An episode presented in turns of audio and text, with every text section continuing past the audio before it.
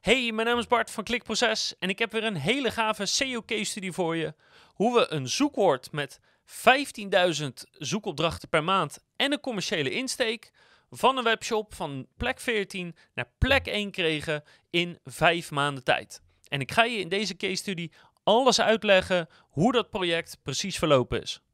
Welkom bij Klikproces met informatie voor betere rankings, meer bezoekers en een hogere omzet. Elke werkdag praktisch advies voor meer organische groei via SEO, CRO, YouTube en Voice. Ja, want weet je wat lekker is? Dat dit een case study is waarbij alles min of meer volgens plan is verlopen. Echt zo'n case study, zo'n droom dat je denkt, zie je de analyses en het volonderzoek wat we hebben gedaan en hoe we het hebben opgebouwd, is gewoon volgens plan, volgens schema. En het is nu in vijf maanden gelukt en we hadden verwacht ongeveer zes maanden. Dus het is zelfs iets beter dan verwacht. En dan vraag je je misschien af, wat heb je dan precies gedaan? Dat ga ik je vertellen. Nou, voordat ik ga uitleggen wat we hebben gedaan, ga ik natuurlijk eerst even vertellen hoe de situatie eerst was en waarom we hebben gedaan wat we hebben gedaan. Dus deze webshop die is actief in een hele specifieke niche. En in deze case study ga ik als voorbeeld gebruiken dat die actief is in de zit-sta-bureaus. dus je moet niet denken aan meubelen of kantoormeubelen. Je moet niet eens denken aan bureaus. Nee, je moet denken aan zit-sta-bureaus. Dus echt heel specifiek. De concurrentie die deze shop daarin heeft is voor een deel een grote spelers zoals uh, bol.com, want die is nou eenmaal overal actief in. Maar ook er zijn best wel wat niche spelers. En dat betekent dat de moeilijkheidsgraad van deze case study was niet extreem. Weet je, we hebben het echt wel in flink, flink moeilijkere uh, niches, branches of tegen grotere spelers opgenomen. Dus de sites als bol.com legden niet heel veel nadruk op deze niche. En de andere niche-spelers waren niet super professioneel. Dus ik zou zeggen, de concurrentie was een beetje gemiddeld. En de site is geheel ingericht op deze niche. En dat betekent dat de homepage is ingericht op het grote zoekwoord hè, van 15k verkeer, die nu dus bovenaan staat. En alle andere categoriepagina's en producten zijn dus ingericht op lagere zoekwoorden, die allemaal binnen die niche vallen. Dus als ik het zit-sta-bureau voorbeeld pak, dan heeft de homepage zit op zit-sta-bureaus. En heb je bijvoorbeeld de categorie met elektrische zit-sta-bureaus of zit-sta-bureaus van hout en zit-sta-bureaus van staal of zit-sta-bureaus van een bepaalde lengte, hè, 1,80, 1,60. Daar moet je een beetje in denken. Wat wel opvallend is hieraan, is dat in deze niche zitten heel veel van die niche-spelers die allemaal domeinnamen hebben gekocht, echt gericht op dat hoofdzoekwoord. Dus zit-sta-bureau.nl en uh, prachtig streepje zit, streepje sta, streepje, bureau.nl. Weet je, dus met, jargon noem je dat exact match domains en partial match domains. Die komen behoorlijk veel voor in deze niche. Wat op zich positief is, want meestal in deze tijd is dat een teken van onvolwassenheid. Niet dat zo'n goede domeinnaam je niet kan helpen, want dat kan het zeker. Maar wij hebben met een niet zoekwoordmatchende domeinnaam ze er vrij makkelijk uit kunnen scoren. Dus dat is een beetje de situatie waarin de klant zich bevond. Oh, en ik heb een paar keer de vraag gehad, dus ik zal het nog even noemen. Deze klant was al maanden, zeker een half jaar bezig. Ik zal even het screenshot van Ares laten zien waarin dat kan zien. Maar het lukte gewoon niet om hoger te komen. Het lukte niet om die homepage hoger te krijgen in Google. Dus je ziet dat hij fluctueert en hij komt wel eens, uh, weet je, plek 16 of plek 18, uh, eh, ergens op de tweede pagina, dat lukte nog wel. Maar dat ging al moeilijk en daarboven stijgen lukte helemaal niet. Terwijl de shop al, nou ja, langer dan een half jaar oud is en de concurrentie niet geweldig is. Dus dat was opvallend en met dat probleem kwam de klant eigenlijk naar ons van, wat doe ik nou niet goed? Hoe kom ik nou boven die concurrent uit? Nou, en na een analyse constateerden we een aantal dingen. Dus één, was gewoon heel duidelijk het backlink profiel. Er waren gewoon e, amper, echt amper backlinks. En je zal toch een bepaalde mate van kracht moeten hebben om te scoren op welk zoekwoord dan ook. Twee, de onpage van de homepage was niet fantastisch. Niet heel slecht, maar ook niet geweldig. Ik zou zeggen dat zeg maar 70, 80 procent was goed. Maar ja, weet je, er was nog wel ruimte voor verbetering. En als derde belangrijke punt, wat we heel veel zien bij webshops, is dat de shop had heel veel last van zoekwoordcannibalisatie. En zeker, weet je, webshops hebben daar al heel veel last van. En zeker als je dan nog weinig backlinks hebt, zodat Google nog minder goed kan bepalen welke pagina op wat moet scoren, is dat een groot probleem. En mocht je niet weten wat zoekwoordcannibalisatie is, ik zal even een foto laten zien dat je, dat je het kan zien. En wat het eigenlijk betekent, is dat Google niet goed weet op uh, zoekwoord ei, hè, zit-sta-bureaus. Welke pagina moet daar nou precies op scoren? Is het een categoriepagina of je homepage of een bepaalde productpagina? Met als gevolg dat die continu de verschillende pagina's laat verwisselen met elkaar. En dat betekent dat ze eigenlijk allemaal nooit hoog staan. met een beetje marge kom je onderaan pagina 1, maar meestal betekent het dat je pagina 2 of 3 eindigt. Dus zoekwoordcannibalisatie is echt een groot probleem voor shops en in, dit, in deze shop uh, zeker. Nou, toen zijn we het gaan aanpakken en de volgorde waarin we het zijn gaan aanpakken is misschien niet wat je verwacht. Want we zijn meteen begonnen met linkbeelden. En dan zou je denken, waarom ben je niet begonnen met de onpage wijzigingen? Of waarom ben je niet begonnen met zoekwoordcannibalisatie oplossen? Nou, dat komt namelijk als volgt. Deze site had zo weinig autoriteit en zo weinig, had een aantal linken, uh, 10, 20 misschien, maar dat zijn dan de standaard uh, startpagina's en zo, maar niet echt goede linken, dat we de verwachting hadden dat we eigenlijk via linkbuilding zowel de zoekwoordcannibalisatie als het rankingprobleem konden oplossen. En dat het laatste stukje onpage eigenlijk helemaal niet zo belangrijk was om meteen aan te pakken. Nou, en we zochten dezelfde twee dingen als die we altijd zoeken. We zoeken autoriteit, hè, linken met een hoge autoriteit. En we zoeken linken met een hoge relevantie. En we zijn continu aan het balanceren tussen welke linken kunnen we überhaupt uh, regelen voor deze website. En wat is de autoriteit en wat is de relevantie. En daartussen zitten we continu te schipperen om proberen het goede naar de website te sturen. Mocht je willen weten hoe we dat meten, um, autoriteit is eigenlijk vrij makkelijk. Daar heb je een paar verschillende software tools voor. En wij gebruiken daar Ahrefs voor en we gebruiken daar Majestic SEO voor. Die geven zeg maar een DR-getal van 0 tot 100 en dat gebruiken we. En Majestic SEO geeft een TF-getal van 0 tot 100 en die twee gebruiken we om te bepalen uh, hoe goed is zeg maar een website. Qua relevantie uh, gebruiken we voor een deel Majestic daar ook voor. Die laat namelijk weten wat voor soort site is dit, hoe klassificeer ik deze. En voor een deel kijken we natuurlijk gewoon naar de site om te kijken Waar gaat de site over? Wat voor soort artikelen of producten of zo staan erop? En op die manier beoordelen we um, wat is de autoriteit en wat is de relevantie. Kijk, de daadwerkelijke check die we doen is wel iets uitgebreider dan dit, maar dit is even in een notendop. En we hebben minder linken geregeld dan jij waarschijnlijk denkt.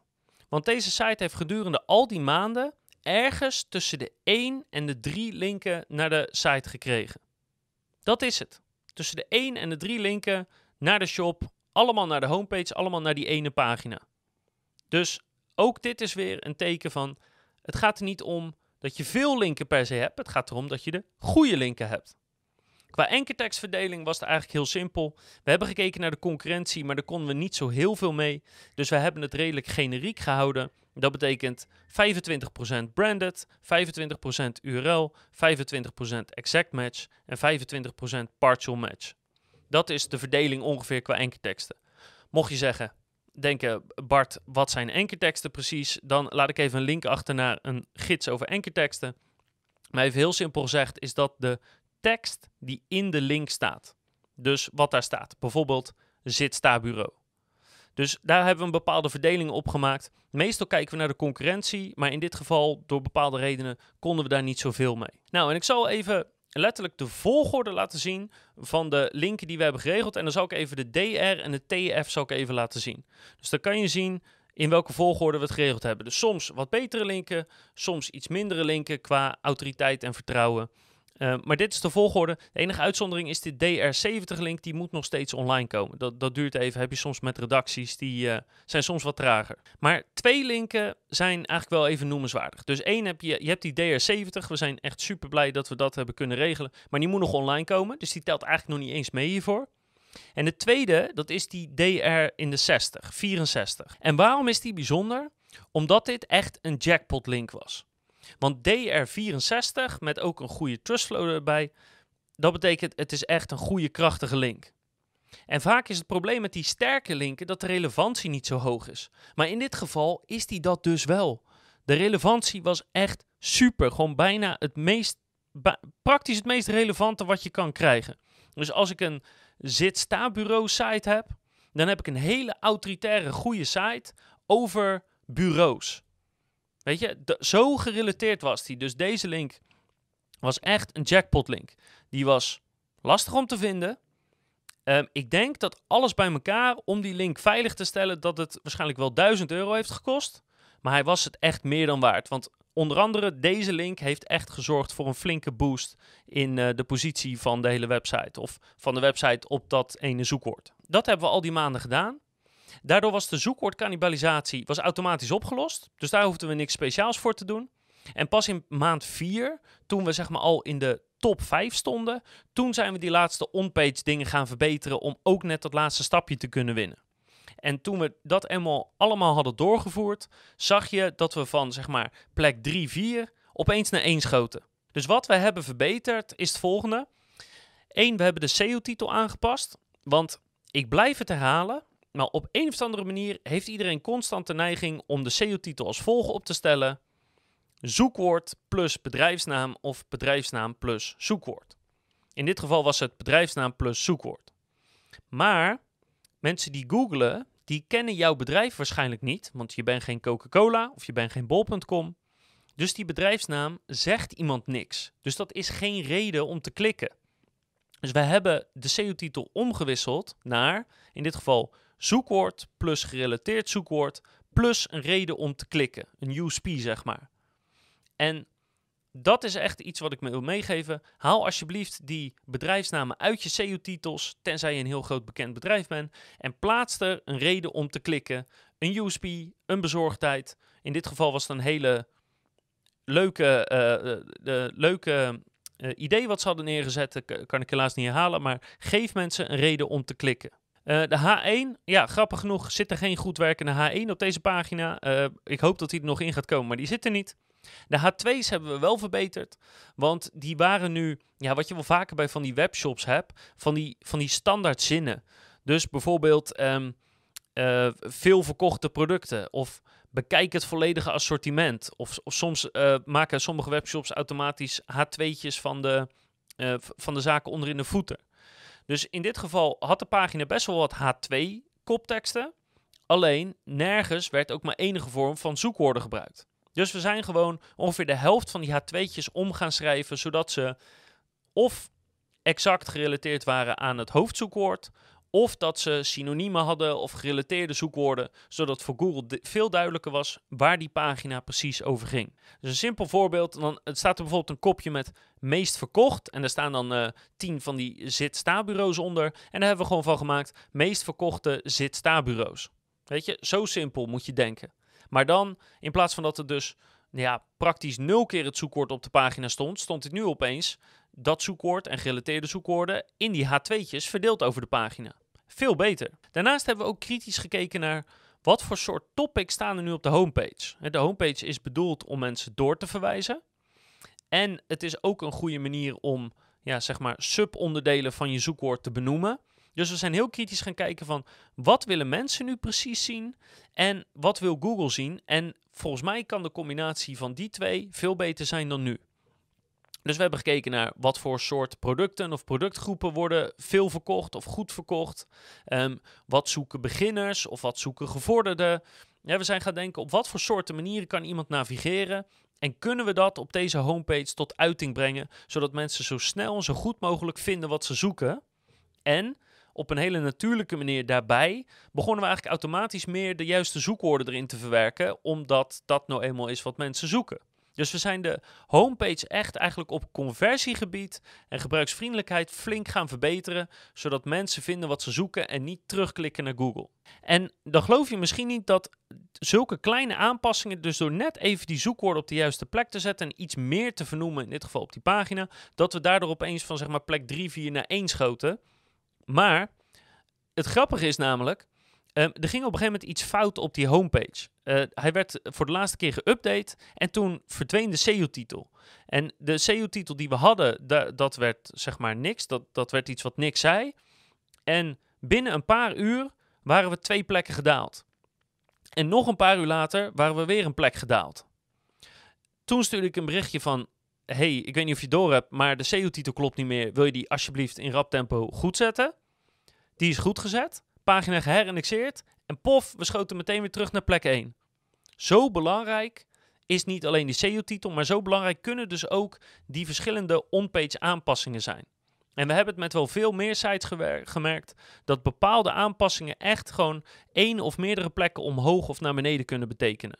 En wat heeft dit nu opgeleverd? Wat is nou het resultaat? Nou, sowieso staat de website nummer 1 op dat zoekwoord van 15.000. Dat, dat is één, maar dat is zeker niet alles. En we hebben het even doorgenomen. Als je 15.000 zoekvolume hebt met een gemiddelde CTR van 12,5%, want dat is gemiddeld op commerciële zoekwoorden. Ehm, als je me niet gelooft, moet je even onze andere video bekijken waarin we dat onderzocht hebben door 600 pagina's te vergelijken met elkaar. Um, dus 15.000 um, zoekvolume maal 12,5 CTR. Zet daarbij een conversiepercentage van ongeveer 4%. Betekent dus 75 bestellingen per maand die er opeens extra bij zijn gekomen in een half jaar tijd. En dat is niet verkeerd. Maar de pagina scoort natuurlijk niet alleen op dat ene zoekwoord. De pagina scoort op nog veel meer zoekwoorden. 32 om precies te zijn. Maar van die 32 zoekwoorden zijn er 11 eigenlijk maar relevant. Die, die andere 21, dat, ja, dat doet er niet echt toe. Daar ga je nooit een euro aan verdienen. En van die 11 zoekwoorden zal ik nu even de positie laten zien. En dan zie je dat sommige staan er al heel goed voor. Sommige staan nog net pagina 2, daar moeten we nog wat aan doen. Maar in elk geval biedt het perspectief, want er staan dus ook twee hele grote zoekwoorden tussen die we nog net even een zetje gaan geven. Nou, belangrijk om hierbij te zeggen is, het is natuurlijk een fantastische case studie en dat het echt precies volgens schema gaat of dat we net iets voorlopen op schema is super. Maar als je net de nummer 1 positie hebt bereikt in Google, betekent dat niet automatisch dat je daar ook blijft. Dus het is belangrijk als je daar net bent en um, dat één, je kan verwachten dat je af en toe nog naar plek 2 of 3 naar beneden zakt. Dat, dat is nou eenmaal, zeker als je er net staat. En twee, zelfs als je niet nog een beetje wisselt, zorg ervoor dat je het verankert. Zorg ervoor dat je net nog even wat extra interne linken plaatst. Dat je net nog wat externe backlinks regelt. Zodat je ook daadwerkelijk op die nummer 1 positie blijft staan. En als we dat hebben gedaan, dan gaan we op jacht naar nog veel meer mooie zoekwoorden om die bovenaan in Google te zetten voor deze shop. En ik heb stiekem zo'n vermoeden dat we ook deze shop met deze producten in andere landen gaan lanceren. Ik hoop dat je er wat aan hebt gehad. Ik hoop dat je ook begrijpt hoe simpel het soms kan zijn als je maar consistent bereid bent om een aantal maanden wat te doen. En ik hoop dat je de volgende keer weer kijkt, luistert of leest. Dan heb ik nog veel meer te gekke SEO-case-studies voor je. Of advies over andere SEO-dingen, conversieoptimalisatie, YouTube en voice.